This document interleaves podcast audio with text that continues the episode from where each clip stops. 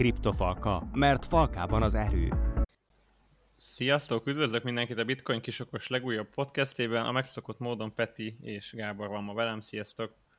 Sziasztok! Sziasztok!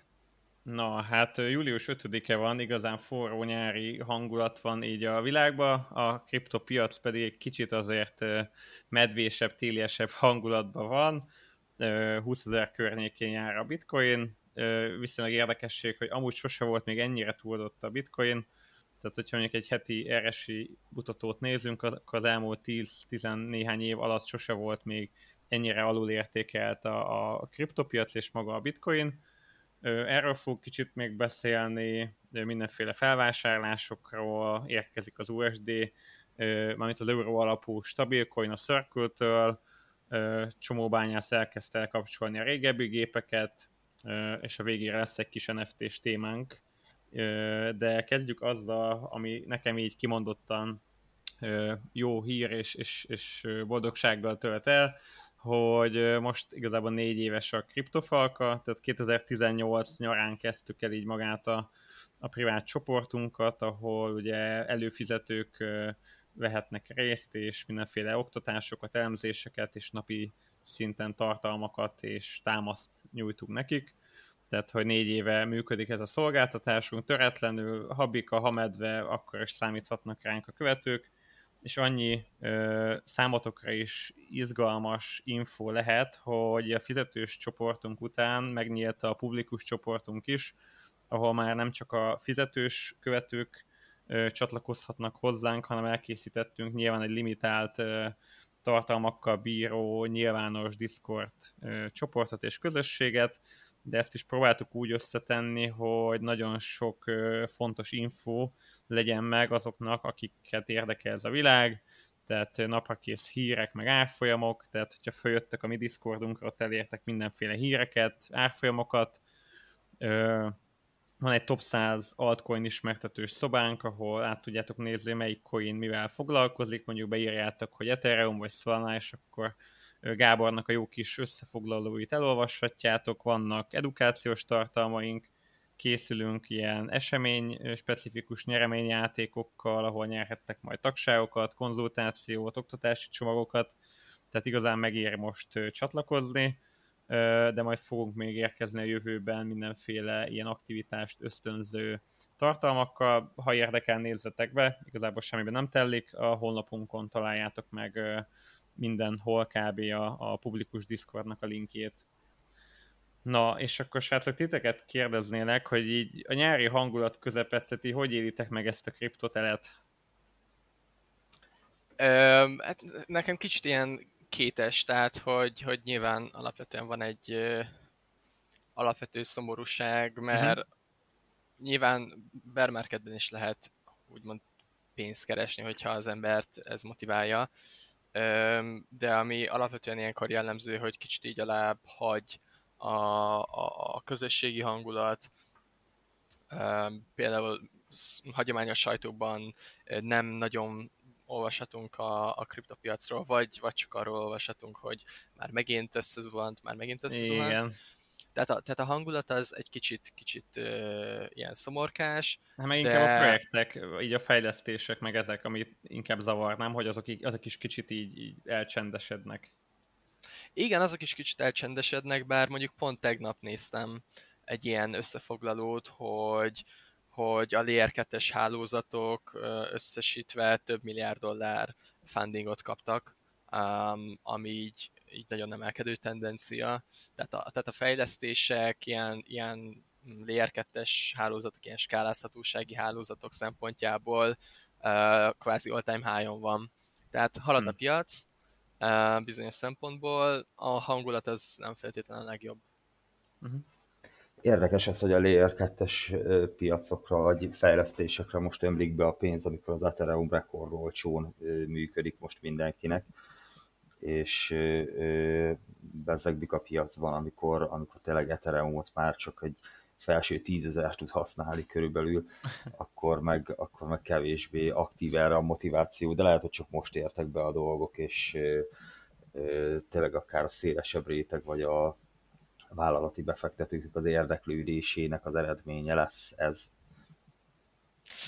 Ehhez csak annyi, hogy hogy ugye ráadásul jön az Ethereum merch, ami elvileg fog majd megoldást kínálni a mostani skálázhatósági problémára, de Öm, azt mondják, hogy akkor se fognak eltűnni a Layer 2 hálózatok, tehát önmagában az Ethereum merge nem fogja megoldani a, a skálázhatósági problémát, ahhoz kellene fognak a Layer 2 hálózatok, és valószínűleg emiatt van az, hogy, hogy nem állt le ezen hálózatok fejlesztése, sőt fel, felpörgött. Uh-huh. Igen, mert mindegyik egy kicsit máshogy oldja meg ezt a ö, gyors és biztonságos tranzakciót, egyszerűen más ö, ö, technikai megoldásokat mutatnak fel, és ö, gondolom azért a közösség mindig kíváncsi lesz arra, hogy mikor, milyen körülmények között melyik az, ami működik, meg stabilabb. Uh-huh.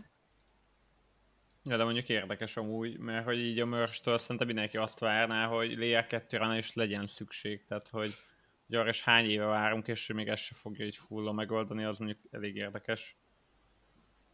De amúgy látok benne rációt, tehát hogy lehet, hogy a, tényleg, amit Ethereum 2.0-nak mondunk, az mondjuk 5 év múlva lesz olyan szinten, mint amit most elvárnánk egy ilyen Layer 2-től. Hát igen, elvileg a, a, a, a tranzakció átereng, átengedő képessége az, az, az egészen meg fog nőni, tehát uh-huh én olyan számokat hallottam, hogy, hogy az elméleti határ, fontos csak, hogy elméleti, a 100 mhm. ezer uh-huh. tranzakció per másodperc uh-huh. um, lesz az Ethereum posnak. Um, az, hogy ez... Fogadni. Igen, igen, ez egy kicsivel több, mint a mostani, nem is tudom, ilyen 15 vagy. 10, vagy. igen. Vagy a bitcoinnál mennyi 9, azt hiszem. Igen, kevesebb, mint az Ethereumnál szerintem. Igen. Persze. Ja, de minden esetre szerintem annak is örülnénk, hogyha tényleg nem kéne mondjuk egy Uniswapos poolba való beszállás, kiszállásnál 60 vagy 100 dollárt kifizetni, ami elviszi a kamatodnak az egészét kb. Igen, a... nagyon változó, hogy mostanában kicsit talán már, már olcsóbb az Ethereum-on tranzaktálni, de, de igen, ez egy, ez egy kvázi örök problémának tűnt, vagy tűnik még mindig, um, hogy, hogy mennyire drága kvázi az Ethereum-os DeFi.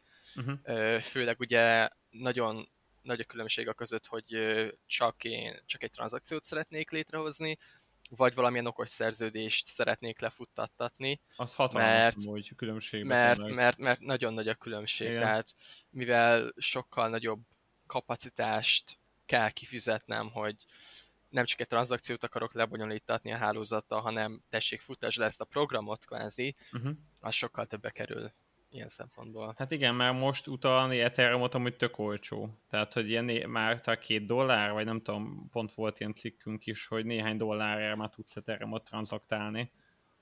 Másfél hogy... dollárig lement a ja, tranzakció egy ponton. Igen, de, de maga például egy Uniswapos okos szerződés az még mindig horribilis. Pont múltkor gondoltam, hogy egy poolomból kiveszem a a tőkét, és tényleg valami 50 dollárt írt ki még mindig, tehát hogy Na mindegy. Igen, mert a, az Ethereum-nál szó szerint a, a lefuttatott parancsokért fizetsz a uh-huh. Yellow Paperben, benne van, hogy melyik parancsnak mennyi a, a mhm. gáz uh-huh. ára, és tényleg egy tranzakció az, nem mondom, hogy egy parancs, de, de egy ilyen modul, amit lefuttat, az talán 21 ezer gázba kerül, de, de mondjuk az Uniswapnál, hogyha ilyen poolokkal van kapcsolatban, akkor ott egy, akkor ott egy hosszabb kód törög, és igen, és te szépen darabokként fizetsz mindegyikért. De ha azt nézzük, hogy a, a bitcoin bálnák azokat ilyen ugye 1000 bitcoinra mondjuk, de már a az ilyen 100 bitcoinos tárcákból is van sok, azért egy ilyen 60 dolláros tranzakció tényleg azoknak, akik ténylegesen mozgatják az árfolyamot, meg, meg életben tartanak a, a forgalmukkal egy-egy ilyen platformot, azokat nem nagyon üti meg a dolog, tehát hogy eh, ahhoz képest, hogy belépő szinten eh, eh, nincs értelme rákattintanod az Uniswapra, hogyha így elkezdesz vásárolgatni, attól függetlenül a maga a platform az még teljesen kiszolgálja az igényeket, mert tényleg megér annyit annak, aki sokkal csinálja. Igen. Hát a bánáknak ez, ez már jött. Tehát, hogy tartsd meg az aprót, és oda dobnak 60 dolcsit csak úgy. Ja, és ugye elég, tehát hogy azzal, hogy a kriptó árfolyam lement, ugye elég sok biznisznek, ilyen kriptóra épülő vállalkozásnak húzta keresztül a számításait, tehát igazából tényleg egy ilyen kriptotér az mindenre kihatással van, legyen szó akár például egy kereskedő csoportról, hogy mennyi felhasználó van, akár egy landing platformról, lásd Celsius, akár egy tőzsdéről, tehát igazából minden, egy, vagy egy NFT projektről, tehát hogy igazából ez ilyenkor minden rányomja a pesétjét, és elég sokaknak húzza keresztül a számításait. Pont az FTX-esek mondták, hogy arra számítanak, hogy az elkövetkező időszakban elég sok ilyen kisebb no tőzsde és szolgáltató fog majd csődöt jelenteni, és elég sok ilyen felvásárlásról, meg akvizícióról hallhattunk. Talán a FTX kit is szeretett volna felvásárolni, a Robin Hoodot? Um, igen, egyrészt vannak ilyen pletykák, hogy a Robin Hoodot fel akarja vásárolni. Uh, én nem legutóbb, amit olvastam, akkor még nem mondták ki hivatalosan, hogy, hogy bármi ilyesmi lenne, de hogy, hogy vannak ilyen pletykák, tehát már lehozta a portfólió is lehozta, meg szerintem a Bloomberg is lehozta ezt a cikket, illetve ahol már úgy tudom, hogy a leírt szerződés van, az a BlockFi. Tehát, hogy a, hogy a BlockFi-t ö, felvásárolja az FTX. Az FTX vásárolja fel a BlockFi-t, azt a... Um, én, én ezt hallottam legutoljára, és, és azt hiszem 240 millió ja, igen, dollárért igen. vásárolhatja fel, és az elért szerződés az jelenleg még egy opció, hogy felvásárolja, felvásárolhatja. Hatja, igen. Igen, tehát hogy, hogy ha minden igaz, még hivatalosan nem történt meg a felvásárlás, de egészen úgy néz ki, hogy ez már csak idő kérdése. Hogy ebbe az a szomorú picit, hogy a BlockFi, az például az én szememben egy ilyen viszonylag stabilabb, meg konzervatívabb, meg régebbi ilyen landing platform, aki, aki úgy néz ki, mégiscsak rászorulhat erre, ha jól tudom, nála nincs olyan gond, mint a Celsiusnál, hogy nem tudsz kiutalni, meg hogy kb. így beszüntettek mindent, és hogy tényleg így nagyon nagy gázba vannak, de akkor úgy néz ki a BlockFi-nál is akad probléma. Igen, ugye a probléma, hogy, hogy nem nagyon látunk bele abba, hogy miket csinál a BlockFi, vagy hogy mi miatt van az, hogy most ö, ennyire szorul a hurok körülötte, nem annyira transzparens, mint amennyire mondjuk egy, egy, egy, egy defis uh, uh-huh. landing borrowing platform. Um, és, és én nem is nagyon tudtam meg sokat a, a cikkekből. Um, azt hiszem, ugye volt úgy, ez a Free Aero Capital, meg a Lunás balhé, és azt hiszem az van, hogy a BlockFi is valamennyire benne volt ezekbe, és ott uh-huh. bukhattak elég sokat. Azt hiszem ennyi infón van nekem. Aha. Igen, a, a Lunának az összedőlése, illetve van ez a Three Arrows Capital, aki egy ö, ö, kockázati tőkebefektető, ö, ők, ők a minap, ö, vagy hát a Three Arrows Capital-t azt, azt a minap likvidálták hivatalosan is, tehát hogy uh-huh. ők, mhm. Ők csődöt mondtak, és egészen, egészen mélyen benne voltak így a, a, a kriptovilágban, tehát hogy, hogy, hogy sok helyen nyújtottak, vagy adtak hitelt, és, és ez az ő összedőlés az lehet, hogy kihatása volt. Például a BlockFi-ra ez, ez elképzelhetőnek tartom, igen. Igen, és ugye... nem tudjuk ezeket, ja, bocsi, ezeket ja, a platformokat, hogy mivel, mivel ö, vannak kapcsolatban, nem tudhatjuk, hogy még mennyi ilyen cég van, például a Three arrows hát hogy azért jöhetnek hírek. Bocsi, mondja. Ja, semmi, csak igen, tehát hogy pont azt akartam mondani, hogy amikor kijött ez a balhé, akkor utána így a Crypto.com, meg a Nexo is emlékszem, hogy tettek ki üzeneteket, hogy 0% volt a kitettségük ennek a Free Arrows Capitalnak, de úgy néz ki, hogy valakinek nem nulla volt, vagy tényleg meg is szívta vele. De ami, ami tényleg érdekes, hogy például a Binance is elég sok akvizícióra írt, a Coinbase is írt, hogy terjeszkedne Európába. Tehát tényleg az látszik, hogy a, aki stabilan jó bizniszt épít föl, az még szarpiacon is talpon marad, és akár másokat föl is tud vásárolni, pont akkor, amikor föl kell. Aki meg kicsit így túl nagyra vágyott, és nem volt valami teljesen a helyén, ő meg tényleg viszonylag hamar be is dől. A, a Binance-tel kapcsolatban amúgy a CZ-nek volt egy, hát nem is tudom, blogbejegyzése a Binance-en, ennek az a címe, hogy A Note on Bailouts and Crypto Leverage, és ő pont arról beszél, hogy, hogy nekik, nekik működőképes bizniszmodelljük van, ők bear marketben is profitábilisak, és hogy arról beszél, hogy háromféle ö, bedölt cég van, ha úgy tetszik. Az első ez a poorly designed, tehát hogy egy rosszul felépített um, cég. A második a poorly managed, tehát hogy hmm. rosszul kezelik a, az eszközöket például, és a purely uh, operated, az a rossz, rossz mondjuk a vezetőség, valamilyen rossz uh-huh. döntéseket hoznak, és, és azt mondja, hogy nem minden vállalatnak az összedőlése abból ered, hogy rossz a vállalat, lehet, hogy tehát, hogy ezen három okból kifolyólag valamelyike áll fel, Aha. és hogy van egyeket érdemes kimenteni. Tehát Aha, ő, igen. Ő, Ez jó. ő ezt próbálja meg így körbe leírni, és, és hát igen, nekik is azt hiszem volt egy interjú vele, hogy most ilyen 50 plusz uh, vállalkozással vannak uh, kommunikációban, hogy, hogy, hogy legyen-e bármi pénzügyi segítség, vagy sem.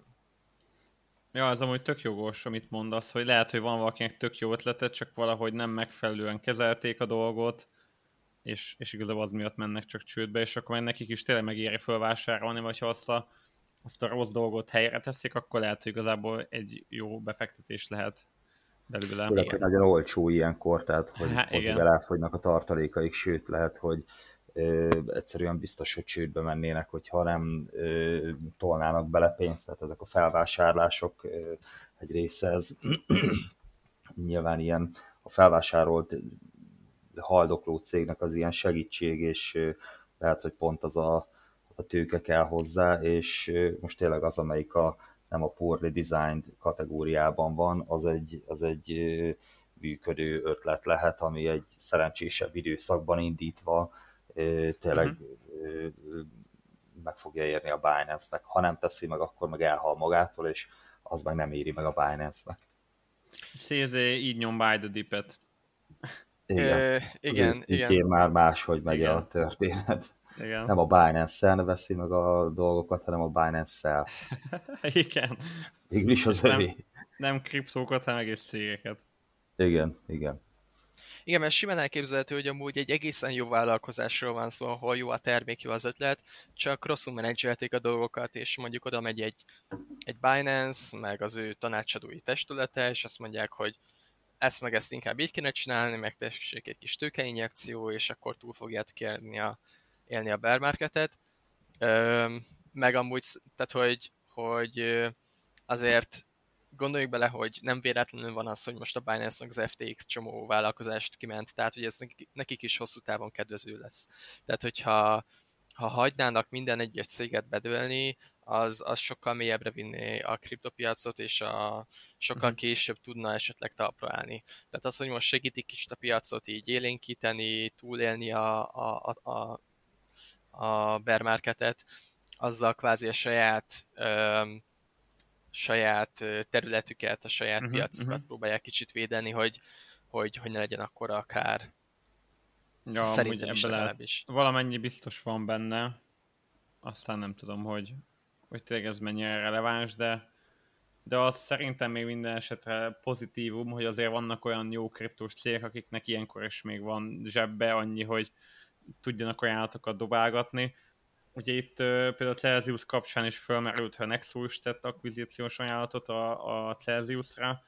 Közben a Celsius, ha jól láttam, amúgy a hitelei nagy részét azt törlesztette, és az ilyen likvidációs áruk ilyen 5000 dollárig lement kb. korábbi ilyen 14 ezeres ár után. ami olyan szempontból megint tényleg jó jel, hogy azt mutatja, hogy ők is valahonnan szereztek pénzt, tehát hogy biztos, hogy valaki így besegített, és injektált tőkét a Celsiusba is, tehát hogy szerintem úgy néz ki még, hogy a Celsius is meg fog maradni, és nem fog csődbe venni. Arra mondjuk kíváncsiak lesz, leszünk szerintem, mikor lehet majd azt, hogy újra megnyitják a számlákat, és akkor lehet mozgatni, és hogy ki, meg hányan fognak egyből kiutalni. Igen, hogy akkor mi történik, az lesz az érdekes, valószínűleg Igen. lesz valami ösztönző Aha. dolog, hogy mégiscsak tartsd ott, mm. vagy nem tudom, csak részben engedik el, de a Celsiusnak külön érdekes még ez a short squeeze a Celtokennel, hogy, hogy hát mivel egy tulajdonképpen behalt cégnek tűnt ez, amikor kijött, hogy nincs kiutalás, eléggé egyértelmű húzásnak tűnt így megsortolni, és, és úgy tűnik, hogy többen voltak azok, akik, akik inkább felvásárolták, amennyire lehet, hogy, hogy a sortosoknak a tőkeáttétes pozícióik azok, azok kiütődjenek, és konkrétan vásárolniuk kelljen nagyon nagy mértékben a Celsius-t, és tényleg ez is kicsit hasonlít erre a CZ meg FTX-es dologra, hogy, hogy a közösségi magatartás így a medve piacban az úgy tűnik, hogy egészen pozitív most már, hogy tényleg próbálják megmenteni egy ilyen hát nem tudom, kamikáze húzással, hogy akkor most vásárolj be a platformba, amit mindenki gyűlöl éppen, meg erről megy a, uh-huh. a cikkezés, és úgy tűnik egyelőre, hogy működik, tehát hogy az utóbbi, nem tudom, egy hónapban a Celsius tokán volt a legjobb kriptobefektetés szinte. Ha jó helyen szálltál be. Így, így van, így, hát lehetett, igen, mondjuk így. Okay. De azért, azért mondjuk nem tudom, a többi nagyobb kriptó nem nagyon tudtam volna mostanában jó helyet találni, beszállni logra, úgyhogy igen. A celsius kapcsolatban csak annyi még, hogy azért kíváncsi vagyok, hogy ki az, a, ki az, aki nem fogja egyből kiutalni a pénzét, amikor ezt megteheti majd. Tehát egy, egy, egy kvázi egy olyan állapotból, hogy úristen, akkor minden pénzem elúszott, hogyha átudjunk abba az állapotba, hogy úristen, most ki tudom venni a pénzemet, uh-huh. kíváncsi vagyok, hogy ki az, aki nem fogja kivenni a pénzét. Tehát, hogy, hogy ez, ez, ez, ez szerintem itt még, itt még lesznek problémák, igen, de kíváncsi vagyok, hogy mi lesz a Celsius-os történettel. Mert úgy néz ki, hogy kimenteni nem... Hát, igen, a Nexu, Nexu tett ilyen javaslatokat, de nem úgy tűnik, hogy most így nagyon fel akarja vásárolni ténylegesen bárki is. Vagy, vagy a Nexus szerintetek még felvásárolhatja? Hát, hát ki kell találniuk, hogy tényleg hogy ne men, ö, utaljanak ki belőle mindig mindent, mert akkor bárki vásárolja fel, az neki nem jó, tehát hogy megveszik a ki, kiürített treasury-t, vagy a Hát de mi van, hogyha a, azt mondja Next, hogy felvásárolja a Celsius ügyfeleit, és igazából a Celsius-os ügyfelekből hirtelen Nexus ügyfelek lesznek, és átkerül minden oda, nem tudom, hogy ezt hogyan lehetne jól megoldani, de de nyilván szerintem, hogyha próbálnának valami komoly megoldást találni, akkor nyilván ez a probléma nekik is egyből fölmerül, hogy hogyan nem fog mindenki egyből mindent kiutalni. Tehát, hogyha bárki fölvásárolja, akkor szerintem arról gondoskodni fog, hogy az, az nem tudom, vagy lokkolva legyen egy ideig, vagy nem tudom, tehát, hogy Hát inkább az, mert a másik az az, hogy ráígérnek valami irreális uh-huh. hozamot, kamatot, hogyha Igen. lekötöd, tehát hogyha opcionális a lekötés de még azt is el tudom képzelni, hogy eleinte beindítják csak azt, hogy a, a heti hozamokat kiutalhatod, és a tőkét nem. És akkor az nem olyan veszélyes, meg azt elvileg megtermelik, bár most már így az utóbbiak függvényében nem tudni, hogy mikor, mennyire, de és akkor mindenki a heti hozamait azt kiutalgatja, aztán mindenki megnyugszik, hogy elvileg nincsen probléma, felhoznak valami ütemtervet, hogy a tőkéhez is hogy lehet hozzáférni, és akkor majd fokozatosan, akár évek alatt Na ezt, igen, ezt amúgy, tudom elképzelni, mert hogy az, hogy azt mondják, hogy mindenki vihet ide, hagyjátok már bent, az nem tudom, nem tűnik túlzottan valószínűnek. Nem, nekem is az jutott eszembe, mint több régi ICO-s projektnél volt, ugye, hogy az ICO tokeneket, amiket kaptál, az is úgy volt, hogy mondjuk egy hónap után felszabadult a 25%-a, három hónap után nem tudom, az 50%-a, tehát én szépen lebontanám, hogy mondjuk fél év alatt mit tudom, kapnak 10-10-10 százalékokat, és akkor ha mindenki ki is akarja utalni, akkor legalább csak 10 százalékot tudnak, vagy valahogy szépen így be lehetne ezt a felszabadítást osztani. Amúgy az lehet, hogy ugye a felvásárlás lehet, hogy azért old meg bizonyos problémákat, mert hogyha ha már tudom, hogy oké, okay, akkor én igazából olyan, mint hogy a Nexus ügyfél lennék, és a Nexonnak igazából nem volt semmi problémája, tehát ő mindig fizetőképes volt, akkor lehet, hogy már azt mondom, hogy oké, okay, akkor mégse veszem ki. Tehát egy felvásárlásnak ilyen szempontból lehet, hogy azért van értelme, mert mert megtörténik a felvásárlás, megtörténik egy ilyen szemléletváltás is, hogy már nem az a tulajdonos, egy másik tulajdonos van, eddig poorly managed, most már jól managed a mhm, tőkém, uh-huh és, hogy, és hogy igazából már biztonságban vagyok. Tehát, hogy, hogy ezt még talán el tudom képzelni, hogy ez, ez segít a helyzeten. Hát igen, mert hogyha érted, egy Celsiusos ügyfélből, te ügyfél, Binance-es ügyfél, vagy Coinbase-es ügyfél lennél uh, holnap, akkor szerintem azt mondanád, hogy oké, okay, fulla meg vagy nyugodva, marad ott, ahol van. Mert hogy bízok bennük már annyira, hogy, hogy megszavazom nekik azt a bizalmat. Tehát, hogy szerintem meg, lesz, meg lehet ezt még oldani, aztán majd kíváncsiak leszünk, hogy hogyan alakul. Ö, közben, ami amúgy tényleg érdekes, hogy eddig a stabil coinokat ugye mindig dollárhoz kötjük, mert hogy nem tudom, a stabil coin az majdnem egyenlő a, a dollárhoz kötött kriptovalutával, de igazából miért nem lehetne mondjuk aranyhoz, vagy akár máshoz kötni, és ugye most a circle az USDC kibocsátójának jön az euró alapú stabil coinja, és tényleg meg kicsit így meglepődök fölolvasva, hogy ez, ez, meg, ez akkora hír szerintetek, hogy most már nem csak dollárhoz, de euróhoz is kapunk stabil coint. És fura, hát hogy eddig nem volt. A tetertől, csak a tetert azt Igen. nem nagyon szereti senki. És ez inkább csak egy ilyen piaci rés lehetett a, a circle hogy, hogy hát ha ők csinálnának egyet, akkor az valószínűleg népszerűbb lenne de ö, én nem tudom, hogy használnának különösebben, tehát nekem a sima dollár alapú uh-huh. ö, stabil coin az így kielégíti az igényeimet, hogyha egy költésről vagy trédelésről van szó, de el tudom képzelni, hogy ö, például vállalatoknál ez kevésbé mindegy, vagy olyanoknál, akiknél ö, ö, euróövezetben, tehát akiknél az euró a a hazai valuta, az lehet, hogy egy kicsit más. Tehát, hogyha például uh-huh. forint alapú lenne, akkor, akkor talán jobban elgondolkoznék rajta. Um, amúgy, ami érdekes, hogy mondjuk az eurónak a jelenlegi fundamentális helyzete az így közepesen jó. Tehát ugye itt van, itt van Európa mellett egy, egy, egy, egy háború, um, meg hogyha mondjuk ránézünk az, az euró-dollár árfolyamra, akkor konkrétan azt látjuk, hogy lassan ugyanannyit ér egy euró, mint egy dollár. Yeah. Um, tehát 1,03 um, dollárt kell adni, vagy 1,037 dollárt kell adni egy euróért, um, ami, ami kvázi azt jelenti, hogy egy dollár az egy euró. Igen. Tehát, hogy Ami az, az nagyon Európa... beteg, mert én 1,1-nél voltam, de tényleg mennyire nem van már. Ja. Tehát az euró árfolyam az 405, a, a dollár 390. Igen, az USD húf az 390. Tehát, hogy, hogy lassan tényleg a dollár már többet ér, mint az euró, ami azt jelenti, hogy nagyon leszerepelt itt az elmúlt, nem is tudom, egy évben a, az eurónak a szerepe. Ez, ez valószínűleg betudható tényleg így a háborúnak, meg a jelenleg ilyen recessziós helyzetnek, mert mindenki a dollárban látja jelenleg úgy néz ki a, a menekülő eszközt. Hú, amúgy tényleg durva, hogy 3,90 a dollár. Tehát, hogy az nem rémé eurónak is milyen sok volt. Igen.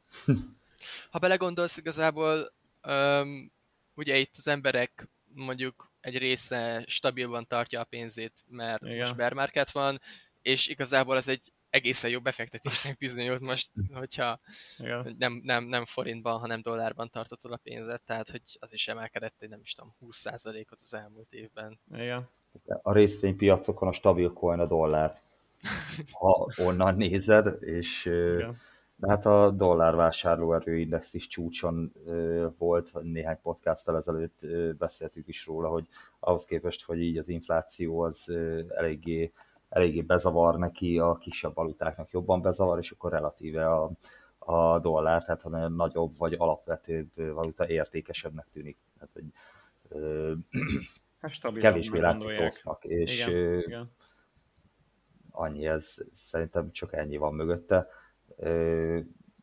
de, de ettől ez még hosszú távon lehet, hogy fordulhat, tehát hogy, hogy az euró simán visszaerősödhet a dollárhoz képest. Most így a, hát, all-time low van. Jó Igen. Konkrétan, vagy hát 17-ben, 2017-ben volt még ennyire gyenge az euró a dollárral szembe, de így nagyon-nagyon kevés kell ahhoz, hogy all-time low legyen az euró a dollárral szemben. Ami meg amúgy tényleg érdekes, tehát hogy amit nyilván olyan szempontból érthető szerintem, hogy Amerikában is tök nagy az infláció, itt is tök nagy az infláció, de amúgy mindenki inkább a stabilabba menekül, ezért maga a, az árfolyam párok is változnak, és aki mondjuk forintba tartja, az duplán megszívja, mert itt is van infláció, de mivel a dollár forint árfolyam is elszállt, ezért igazából a mi inflációnk valószínűleg még nagyobb lesz így a külföldre behozott termékek véget. Tehát van benne ráció, csak kicsit kevés megy a FOMO abból, hogy meneküljünk a forintból, ami vicces, nem tudom, én évek óta hogy a privát csoportunkban mindig azt mondom, hogy bármit csak forintot ne, tehát akkor inkább részvény, arany, vagy kriptó, vagy bármi, csak, csak forintban legyen az ember, és ez, ez tényleg ez az, ami szerintem így sok év alatt mindig bejött. Vagy legalább valamilyen állampapírba rakja be, vagy ja, tehát, hogy igen. ne kamatoztatlanul. Csak Igen. Igen, igen, igen. Tehát, hogy az, hogy, hogy van készpénzed, vagy nem tudom, csak egy bankszámlán csücsül, és kapsz rá évi 0,001 százalékot, az, az a legrosszabb szerintem, amit bárki tehet. Ja, ö, na, menjünk kicsit tovább így vissza a kriptopiachoz. Ö, ami érdekes, volt, aki kérdezte is tőlem, nem is tudom, utána konzultáció vagy hol, hogy én nem, talán az egyik streamemben, privát csoportban, hogy a bitcoin bányászatra mit gondolok, hogy esetleg a bányászok jelenthetnek egy csődöt, vagy, vagy hasonló. Ugye ott az, azzal kell tisztában lenni, hogy a bányászat elég összetett dolog, tehát nyilván függ a bitcoin árfolyamtól, tehát ez az egyik legfontosabb mutató, de ugye az mellett még elég sok minden játszik. Nyilván a blokkjutalom az mindig fix, hogy mennyi bitcoint kapnak a bányászok egy blokk bezárása után, és akkor nyilván, hogyha dollárba számoljuk ezt az értéket, akkor az miatt függ a dollár árfolyamtól, de ugye van a difficulty meg a hash rate, tehát a hash rate mutatja azt, hogy mennyi a hálózat összteljesítménye, tehát ahány gép van együtt, annak a teljesítményét összevetjük, és akkor összeadjuk, és akkor abból kapunk egy ilyen globál hash rate-et, hogy maga a bitcoin mögött mennyi számítási kapacitás áll, és ennek az ellentéte kicsit maga a difficulty, amit úgy lehet lefordítani, hogy minél többen bányásznak, a difficulty és a nehézség annál magasabb, minél kevesebben bányásznak, a difficulty annál kisebb, és akkor maga a rendszer így két hetente állítja magát, és próbálja úgy beállítani, hogy ha nem alacsony a bitcoin ár, és sokan elkezdik lekapcsolgatni a gépeket, akkor csökkenti a difficulty és akkor a fennmaradó bányászoknak még így is megéri bányászni. És amúgy teljesen jogos kérdés, mert ilyen 20 ezeres árfolyam mellett igazából nagyon sok bányász már lehet, hogy akár mínuszt is termel, ami annyit jelent, hogy többe kerül az áram költsége, mint maga a bitcoin, amit termel, hogyha azt átváltja dollárba. Tehát konkrétan nem is feltétlen tudja fizetni a, a, az áramcekket. És ugye Peti, te dobtad be a heti riportunkba, az S9-esek, tehát a régi bányászgépek, amik egyáltalán nem hatékonyak, ők tényleg így masszívan elkezdtek lekapcsolni. Igen, igen, ők masszívan elkezdtek lekapcsolni, um, viszont a, az a, a hash rate így összességében növekszik, mert nem csak S9-ekkel bányásznak, hanem egyéb hardverekkel is, és azoknak a hardvereknek a hash rátája még, még, még növekszik.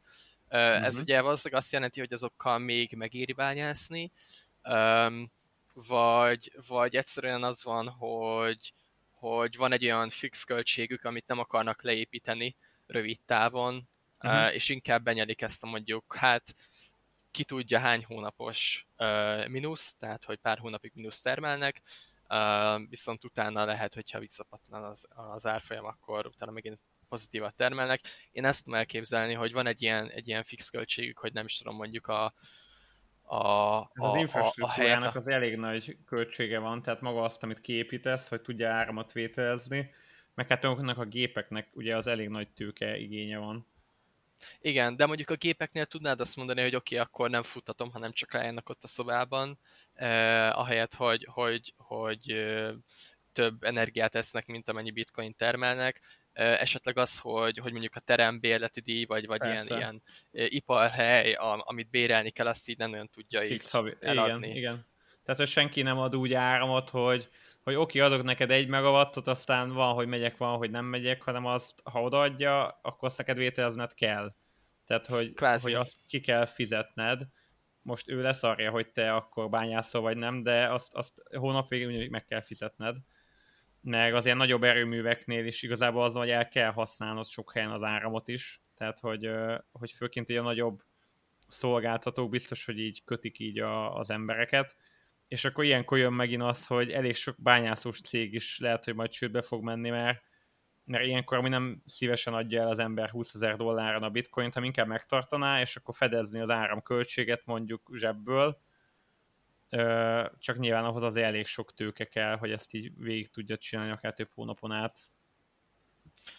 Igen, amúgy nagyon furcsa, hogy tényleg így a difficulty is nagyon magasan van még, meg a hash is nagyon magasan van Igen. még, annak ellenére, hogy, hogy egy egyértelmű bear marketben vagyunk most. Igen, tehát a hash price, hogy egy hash rate-re úgymond mennyi dollárod jut, az ilyen nagyon sok éves aljon van. Tehát, hogy, hogy egy terahesnek a dollár értéke úgymond, az, az nagyon alacsonyan van. Csak szerintem ez egy ilyen olyan mutató, ami legalább fél évet késik, tehát hogy hogyha valaki akar bányászni, mondjuk így nagyobb tételbe, tehát ilyen ipari szinten, már pedig bitcoin máshogy nem nagyon éri meg, akkor annak a képítése az minimum 4-6 vagy akár egy év is lehet.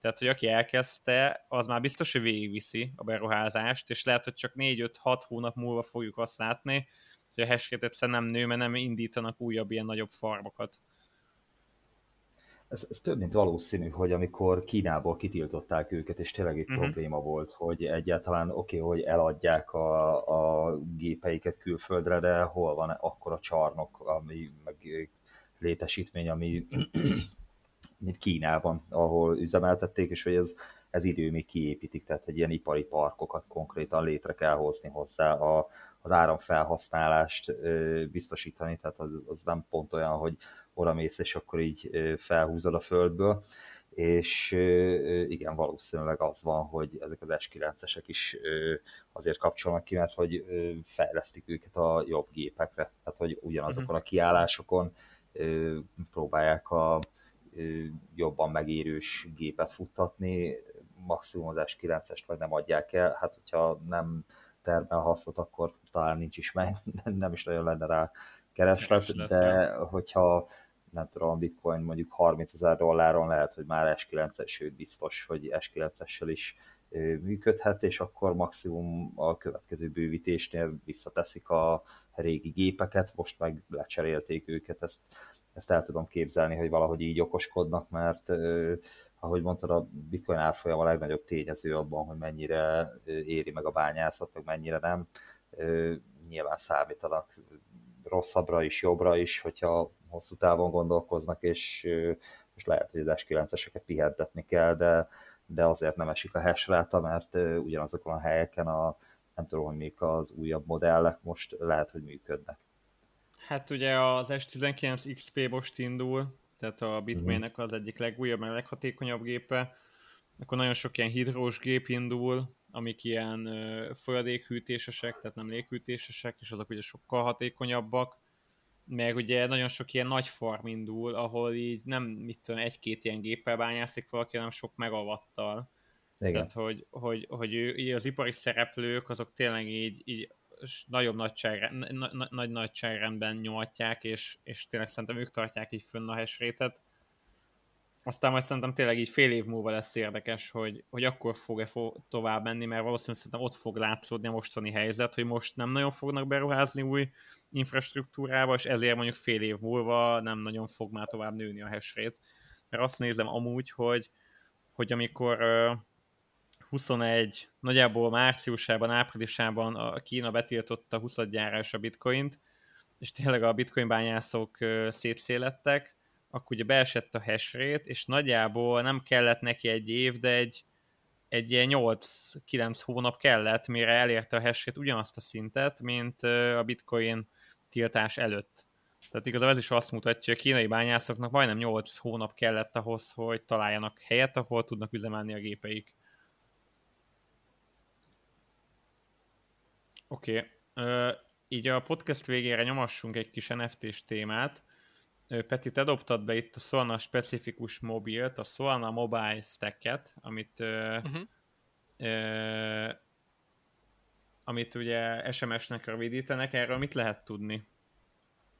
Igen, um, a Solana fejleszt egy, egy saját mobilt, ami igazából azért fontos, hogy, hogy manapság azon, hogy például ezzel, ezzel próbálták kicsit így hype így a, vagy, vagy körülírni a helyzetet, hogy, hogy ott vagy egy randin, és, és éppen mondjuk van egy airdrop, amin részt akarsz venni, akkor kénytelen vagy elővenni a laptopodat, és ott lemenedzselni mondjuk a mintelést, az NFT-k mintelését. Um, és hogy, hogy mobilon ez még nagyon nyögvenyelős, nem is nagyon megvalósítható, nem is feltétlen nagyon-nagyon biztonságos, és, és ezért a Solana létre szeretne hozni egy olyan mobilt, ami egyben kvázi egy hardware wallet is, tehát hogy, hogy alapvetően arra lett kitalálva, hogy tárolja a privát kulcsot, és biztonságosan alá tudja írni a tranzakciókat. Öm, és, és futnak rajta a dappok, tehát hogy tudsz használni rajta mondjuk egy Uniswapot könnyedén, öm, az NFT, NFT gyűjteményedet tudod nézegetni, tudsz mintelni, tudsz küldeni, tudsz interaktálni tényleg így, így a dappokkal a, a blokkláncon, és nem kell feltétlenül hozzá használnod a, a, a számítógépet. Öm, ami szerintem alapvetően egy, egy, egy, egy nagyon előremutató gondolat, tehát hogy szerintem erre így szükség van, mert így én magamon is így ezt veszem észre, hogy, hogy, hogy hogyha dappokkal akarok, akarok interakcióba lépni, akkor így a számítógépen tudok jelenleg csak, és, és mobilon nem nagyon. Um, úgyhogy ez egy, ez egy ilyen Android alapú nyílt forráskódú szoftveren alapulna, amire elvileg már most is lehet fejleszteni, és ennek a bemutatója nem is tudom, egy, egy, egy, egy-két hete volt ennek, uh-huh. a, ennek a telefonnak. Még annyi, hogy árban úgy néz ki, hogy, hogy, hogy lehet most ilyen early bird 100 dollárt így, így, így lekötni, és, és elvileg 2023 Q1-ben jön majd ki a telefon, ami összesen 1000 dollárba fog kerülni. Aha, akkor az nem lesz olcsó telefon. Hát igen, Fia, mostani dollár egy... árfolyammal egy majdnem 400 ezer. ja, ja, ja, ja, 400 Sőt, ki tudja, addigra jövő, jövőre mennyi ez. Tehát jövőre az biztos, hogy 400 fölött lesz kb. Igen, igen, tehát egy ilyen csúcskategóriás Samsung vagy, vagy iPhone telefon, hogyha... Konkrétan, ezt... igen. Remélhetőleg technikailag olyan is lesz. Igen, meg nem lesznek gyerekbetegségei, mert amúgy szerintem maga az ötlet tök jó, meg szerintem akkor közönsége lesz, tehát így most egy nagy szolnás NFT-s, az mi a ráknak venne iPhone-t majd, hogyha van egy tök jó szolna alapú mobiltelefon, tök jól meg tudja csinálni azt, amit amúgy gépen kell neki. Most itt a kriptomemorizmus projektünk kapcsán is látom, mi is amúgy mindent asztalira optimalizáltunk egyelőre, de hogy amúgy meg én is a mobilomat használom szívesen, és már a Binance-et se nyitom meg desktopból, hanem azt is csak mobilból nyitom, meg mindenféle platformot, és az már nagyon nyug nekem, amikor gépről kell belépnem, és nem Face ID-val lépek be, hanem be kell pöttyöknöm a kódjaimat, meg mit tudom én, hogy, hogy szerintem így a felhasználónak biztos az az igénye, hogy, hogy mobilon menjen minden, így az NFT meg DeFi témában is. Én azt nem értem, hogy ebben mi a különbség uh, ahhoz képest, hogyha az androidos telefonodon használsz egy Phantom uh-huh. appot. Tehát, hogy az egy wallet, de egy böngésző is egyben, és simán a, a dapokra be tudsz vele lépni. Mondjuk az nem, ö, nem cold wallet, ö, tehát hogy nem hardware wallet, Igen. de technikailag ezeket, hogy nem tudom, nézegeted az NFT-idet, kereskedsz velük a Magic Eden-en, vagy, uh-huh. vagy játszol a szolánás játékokkal, azt elvileg meg tudod csinálni tableten, meg telefonon is. Az, az biztos, hogy különbség, hogy erre tényleg így külön kitértek, hogy hogy ugye az, hogy a telefonot tárolja a privát kulcsodat, és neked a privát kulcsoddal alá kell írnod minden egyes tranzakciót, ugye ez a saját mm. eszközödön történik meg, annak egy ilyen nagyon biztonságos környezetben kell működnie, hogy, mm. hogy ne nagyon legyen esélye annak, hogy kikerül ez a privát kulcs. És, és jelenleg ezt, ha jól tudom, nem lehet nagyon megvalósítani mobilon, olyan biztonságosan, mert, mert nem így lett felépítve szoftverileg. Hát nem, nem a saját rendszerében van elejétől a végéig, hanem ott egy Androidra épül, és tulajdonképpen az Android lehet egy gyenge láncszem, tehát ha az Androidot feltörik, akkor, akkor már gondba vagy. Tehát, hogy akkor ezzel sokkal újabb dolgokat nem fogsz tudni csinálni, mint eddig csak biztonságosan, ami nem mindegy. Uh-huh. Valószínűleg sokkal biztonságosabb lesz, igen, ez a Solana Mobile Stack. Hát meg, meg például iPhone, iPhone-ról is most úgy van, hogy te ha a Phantom appot megnyitod, és abból böngészel valahova, akkor hogy majdnem minden meg tudsz már csinálni, de a legtöbb ember nem a Phantomból akar szerintem böngészgetni, hanem az alapböngészőből, vagy hát én mindig szafarizok. Tehát én azt tudom elképzelni, hogy, hogy úgy fog működni ez a cucc, hogy igazából a normális ö, módon használod a telefonot, és úgy is tudsz végrehajtani ilyen okos szerződéseket mondjuk, és nem kell ahhoz egy külön abba belépned, és azon keresztül, hanem kicsit így vagy jobban lesz beleintegrálva. Én valami ilyesmit Szóval akkor a külön tőlem. telefon az egyszerűbb, mint a külön app. Ja, valószínű, igen. Meg a, meg a biztonság tényleg, amit Peti mondott, az még valószínű. Na és mit gondoltok a metáról, hogy elvileg most azt nyilatkozták, hogy felhagynak itt a saját coin fejleszgetésével, így rengeteg idő után, tehát nem tudom, hogy a Facebook kb. 3-4 éve jelentette be, hogy akkor Igen. indítanak valami saját uh, kriptót, tehát rengeteg neve volt már, tényleg így, így már nehéz is visszaemlékezni, hogy Libra, Calibra, fú, nem igen, mi volt a kezdő neve. is változtak a nevük, igen. Igen, igen, de végülis azt nyilatkozták, hogy fölhagynak ezzel, szerintem rájöttek, hogy sosem engednék meg, hogy egy több milliárd emberhez odaengedjenek egy, egy kriptovalutát, amit tényleg csak így, mint egy üzenet tudsz küldözgetni, tehát itt biztos túl nagy hatalmuk lett volna, de hogy most meg azt mondják, hogy az NFT-k viszont jönnek a Meta platformjaira, erről nektek mi a véleményetek? Ugye erről is már hallhattunk amúgy infókat így főként Instagram kapcsán. Igen, időnként csepegtetnek, tehát hogy ez a Igen. Meta, illetve Facebook ö, nyit az NFT-kre, ez, ez egy ilyen rendszeresen visszatérő dolog, valószínűleg egy kampány része, egy ilyen hosszabb távú, hogy időnként azért jönnek ezek a dolgok, meg nem is tudom már melyik altcoin volt, amit elemzések alkalmával néztünk, hogy a, a meta kapcsolatban van vele, és akkor az ilyen AI jellegű dolgait mert azon fogja intézni, és annak is lehet, lehet közelhez, végül is blokklánc technológia mind a kettő, vagy amit ott létre akarnak hozni idővel úgy is be fogják vezetni, és egyszer csak lesz egy konkrét dátum, amikor egyszerű uh-huh. Mhm. NFT-kkel elkezdesz foglalkozni, aztán majd kiderül, hogy mit csinál vele a közönség, tehát hogy lehet, hogy elkaszálják a Facebookos pénz fogalmát, de lehet, hogy ilyen NFT pénzérbék lesznek, amikkel majd elkezdenek az emberek kereskedni. Kíváncsi vagyok, hogy mit hoz ki belőle a, a közösségbe. Tényleg azért ilyen több milliárd embernél ez már egy eléggé, hogy is mondjam, tömeges társadalmi kísérlet lesz, és bárhova kifuthat. Ja, aztán lehet, hogy majd a kis influencer csajok, amiket föltöltenek képek, azok NFT-k lesznek, és akkor a sok kis tini majd vásárolgatja, hogy enyém a csajnak ez a nem tudom milyen képe. Igen. vicces. Hát ez, ez, már, ez már most is van, open scene, ez már most is történik. Igen? Igen, tehát hogy, hogy, hogy már mindent is kitaláltak nagyjából. Ajaj. De amúgy a, ehhez a metás sztorihoz kapcsolódva, ugye az Instagramon májusban jelentették be, hogy lesznek ilyen NFT tesztek, hogy ott elkezdik tesztelni az NFT-ket.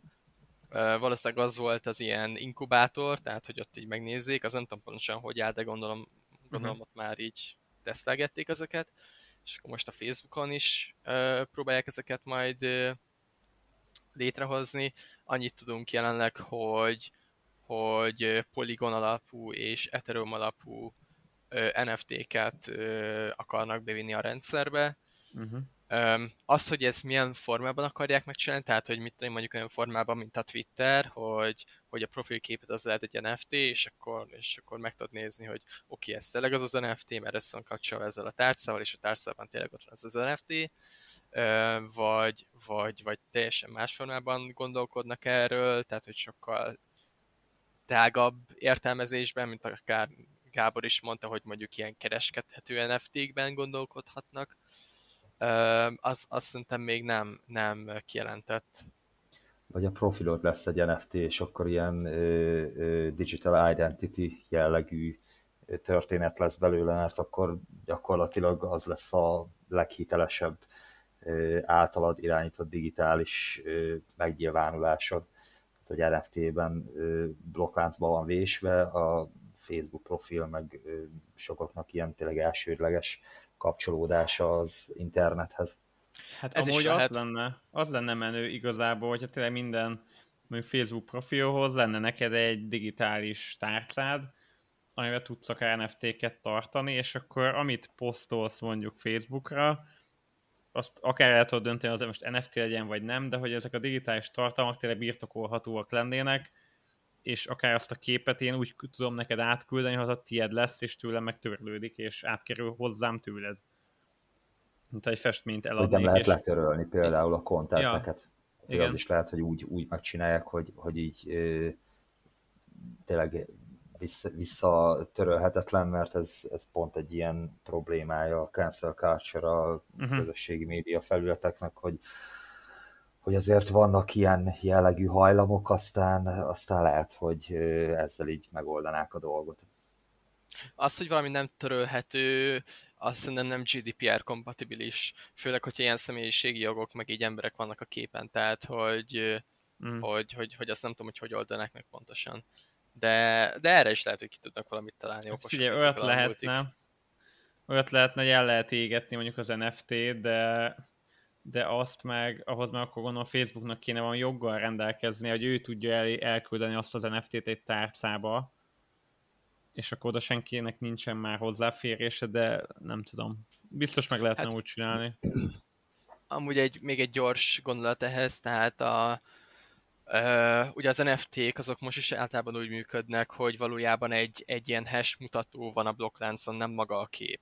Mm. Um, és, és azt meg lehet szüntetni, azt az összeköttetést a kép és a hash mutató között, tehát hogy, hogy igen, még mindig ott van az a NFT a blokkláncon, de amire Aha. hivatkozik kép valahol kívül egy adatbázisban, az a kép már nincs ott például.